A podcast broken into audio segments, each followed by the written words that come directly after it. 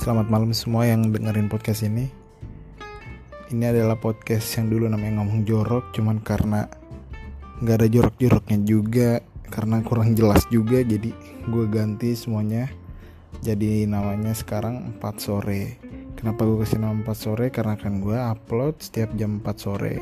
Nggak setiap hari, cuman ya pokoknya jam 4 sore. Yang mau semua yang mau denger-denger ilmu-ilmu kesotoyan dari yang akan gue bahas di podcast ini silahkan aja tungguin jam 4 sore.